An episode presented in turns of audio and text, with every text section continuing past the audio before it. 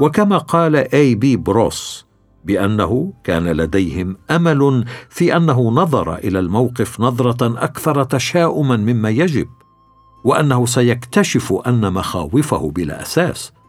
فقد كانت فكرة المسيح المصلوب فضيحة وتناقضا بالنسبة للرسل وهو الموقف نفسه الذي تمسكت به أغلبية الشعب اليهودي بعد أن صعد الرب إلى المجد. ولقد كان ألفريد أدرشايم الذي حاضر في موضوع الترجمة السبعينية في جامعة أوكسفورد محقا في قوله إن عصر يسوع كان مختلفا عنه. يستطيع المرء أن يلمس في العهد الجديد موقف التلاميذ من المسيح توقعهم من المسايا المسيح الحاكم. بعد أن أخبر يسوع تلاميذه بأن عليه أن يذهب إلى أورشليم ليتألم طلب إليه يعقوب ويوحنا أن يقطع لهما وعدا بأن يجلس أحدهما عن يمينه والآخر عن شماله في ملكوته إنجيل مرقس الفصل العاشر الآية الثانية والثلاثون حتى الآية الثامنة والثلاثين أي مسيح كان في مخيلتهم؟ مسيح متألم مصلوب؟ لا بل حاكم سياسي لقد أشار يسوع إلى أنهما أساءا فهم ما كان عليه أن يقوم به. لم يفهما ما كانا يطلبانه. لم يفهم التلاميذ الاثنا عشر ما عناه يسوع عندما تنبأ بآلامه وصلبه. إنجيل لوقا الفصل الثامن عشر الآية الإحدى والثلاثون حتى الرابعة والثلاثين. لقد اعتقدوا بسبب خلفيتهم وتربيتهم بأنهم يسيرون في طريق كله مفروش بالورود. ثم جاء صليب الجلجله فتبخرت كل أحلامهم في أن يكون يسوع المسيح هو الموعود. فعادوا إلى بيوتهم خائبين بعد أن ضاعت السنوات التي قضوها معه هباء. كتب الدكتور جورج إلدون لاد أستاذ العهد الجديد في جامعة فولر اللاهوتية وهذا هو أيضا السبب الذي دعا تلاميذه إلى تركه عندما ألقي القبض عليه. لقد كانت عقولهم متشربة بشكل كامل لفكرة المسيح المنتصر الذي كان دوره أن يخضع أعداءه حتى إن كل أمالهم التي عقدوها عليه كمسيحهم المنتظر تحطمت. عندما رأوه سجينا عاجزا من سجناء بيلاطس ذليلا نازفا متألما يقتاد ويصلب كمجرم عادي. إنها لحقيقة صحيحة بأننا نسمع فقط لما نحن مستعدون لسماعه. لهذا فإن نبوءات يسوع عن آلامه لم تلقى آذانا صاغية عندهم. لم يكن التلاميذ على الرغم من تنبيهاته وتحذيراته لهم مستعدين للقبول والفهم. بعد أسابيع قليلة من الصلب وبالرغم من كل شكوكهم السابقة رجع التلاميذ إلى أورشليم يعلنون يسوع مخلصا وربا ومسيحا. والتفسير المقبول الوحيد لهذا التغير موجود في الرسالة الأولى إلى أهل كورنثوس الفصل الخامس عشر الآية الخامسة وأنه ظهر لصفا ثم للاثني عشر. أي سبب آخر يمكن أن يدعو التلاميذ المكتئبين إلى أن يخرجوا ويتألموا من أجل مسيح مصلوب لابد أنه أظهر نفسه لهم حيا بصورة أكيدة بعد آلامه ببراهين كثيرة مقنعة وأنه كان يظهر لهم على مدى أربعين يوما. أعمال الرسل الفصل الأول الآية الثالثة. نعم مات كثيرون من أجل هدف نبيل لكن هدف الرسل النبيل يسوع المسيح مات على الصليب. فقط القيامة وظهور المسيح لتلاميذه اقنعا أتباعه بأنه المسيح المنتظر ولم يشهدوا على ذلك بشفاههم وحياتهم فحسب ولكن بموتهم أيضا. الفصل السابع هل سمعت بما حدث لشاول؟ جاك وهو صديق لي ألقى محاضرات في جامعات كثيرة. عند وصوله إلى إحدى الجامعات لإلقاء محاضرة. فوجئ بأن الطلاب قد رتبوا له نقاشا مفتوحا مع ملحد الجامعة. وكان خصمه في هذه الندوة أستاذ فلسفة فصيحا بليغ اللسان معاديا تماما للمسيحية. فتحدث جاك اولا وناقش البراهين المختلفة على قيامة يسوع وتجديد الرسول بولس. ثم أعطى شهادته الشخصية متحدثا عن الكيفية التي غير بها المسيح حياته أثناء دراسته الجامعية. وعندما حان دور الأستاذ الجامعي في التحدث كان عصبيا جدا.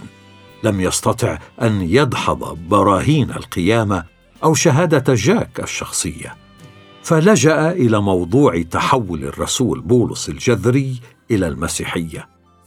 فاستخدم المقولة الشائعة بأن الناس يمكن أن يكونوا غالبا منغمسين نفسيا فيما يحاربونه حتى إن الأمر قد ينتهي بهم إلى احتضانه وتبنيه. وهنا ابتسم صديقي بلطف وقال اذا يستحسن أن تحذر يا سيدي وإلا فإن من المحتمل أن تصبح مسيحيا مؤمنا. إن إحدى أعظم الشهادات المؤثرة في صالح المسيحية هي تحول شاول الطرسوسي الذي كان ألد أعداء المسيحية إلى الرسول بولس. كان شاول عبرانيا متعصبا وقائدا دينيا. وقد أتاحت له نشأته في طرسوس فرصة الاطلاع على أكثر المعارف تقدما في عصره. وكانت طرسوس مدينة جامعية مشهورة بفلاسفتها الرواقيين وحضارتها الرواقية. وقد امتدح سترابو العالم الجغرافي اليوناني هذه المدينة لاهتمامها بالتعليم والفلسفة. تمتع بولس كوالده بالجنسية الرومانية وكان ذلك امتيازا كبيرا وكان ضليعا في الثقافة والفكر الإغريقيين ولقد أظهر تمكنا عظيما من اللغة اليونانية والمهارة الجدلية واستشهد بأشعار شعراء وفلاسفة غير ذائعي الصيت مثل أراتوس وكليانتس وميناندر وأبيمنيدس. كما ورد في أعمال الرسل الفصل السابع عشر الآية الثامنة والعشرين لأننا به نحيا ونتحرك ونوجد كما قال بعض شعرائكم أيضا لأننا أيضا ذريته.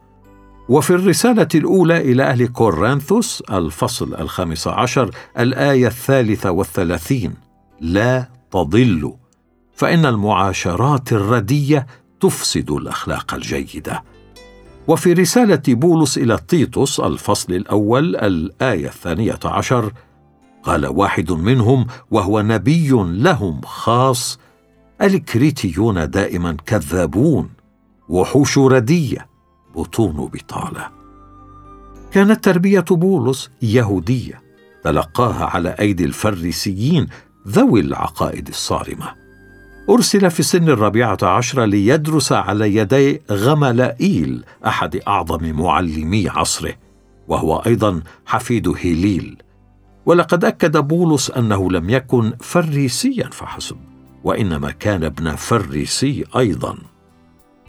أعمال الرسل الفصل الثالث والعشرون الآية السادسة.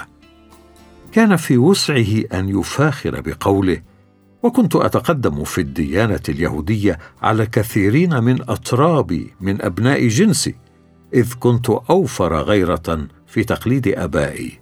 غلاطية الفصل الأول الآية الرابعة عشر.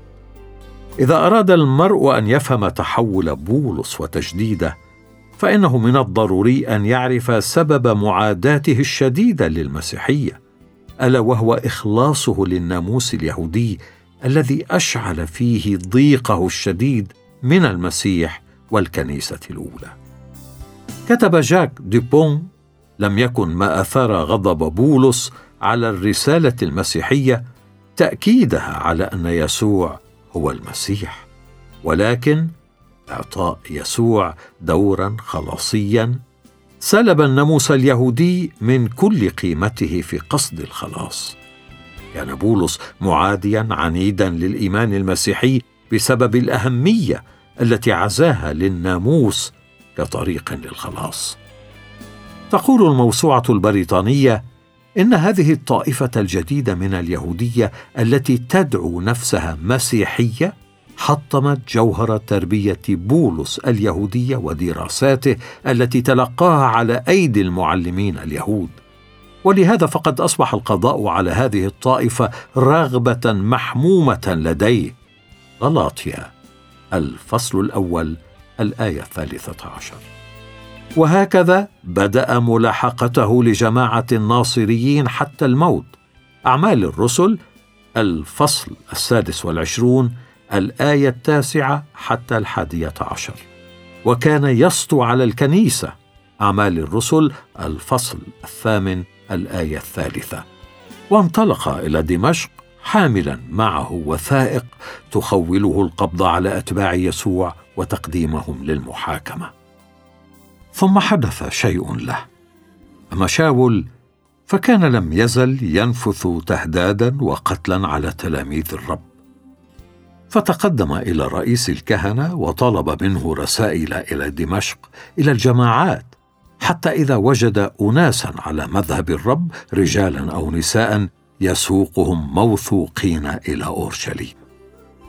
وفي ذهابه حدث أنه اقترب إلى دمشق. فبغتة أبرق حوله نور من السماء فسقط على الأرض وسمع صوتا قائلا له شاول شاول لماذا تضطهدني؟ فقال من؟ أنت يا سيد. فقال الرب أنا يسوع الذي أنت تضطهده صعب عليك أن ترفس مناخس. قال وهو مرتعد ومتحير. يا رب ماذا تريد أن أفعل؟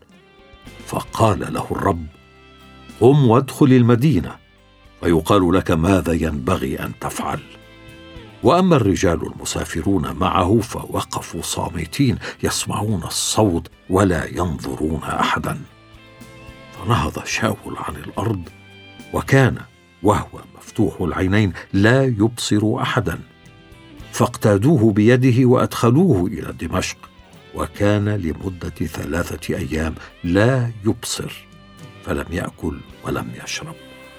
وكان في دمشق تلميذ اسمه حنانيا فقال له الرب في رؤيا يا حنانيا فقال ها أنا ذا يا رب.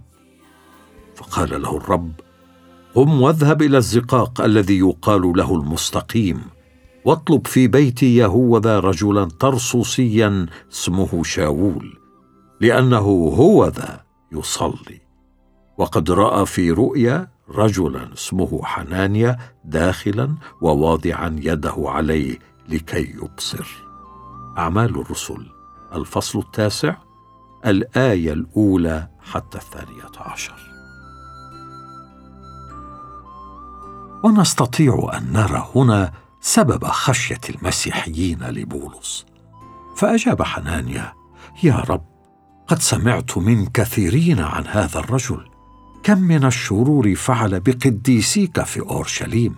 وها هنا له سلطان من قبل رؤساء الكهنة أن يوثق جميع الذين يدعون باسمك. فقال له الرب اذهب لأن هذا لي. إناء مختار ليحمل اسمي أمام الأمم والملوك وبني إسرائيل. لأني سأريه كم ينبغي أن يتألم من أجل اسمي. فمضى حنانيا ودخل البيت ووضع عليه يديه وقال أيها الأخ شاول قد أرسلني الرب يسوع الذي ظهر لك في الطريق الذي جئت فيه لكي تبصر وتمتلئ من الروح القدس. فللوقت وقع من عينيه شيء كأنه قشور فأبصر في الحال وقام واعتمد وتناول طعاما فتقوى وكان شاول مع التلاميذ الذين في دمشق اياما. أعمال الرسل الفصل التاسع الآية الثالثة عشر حتى التاسعة عشر.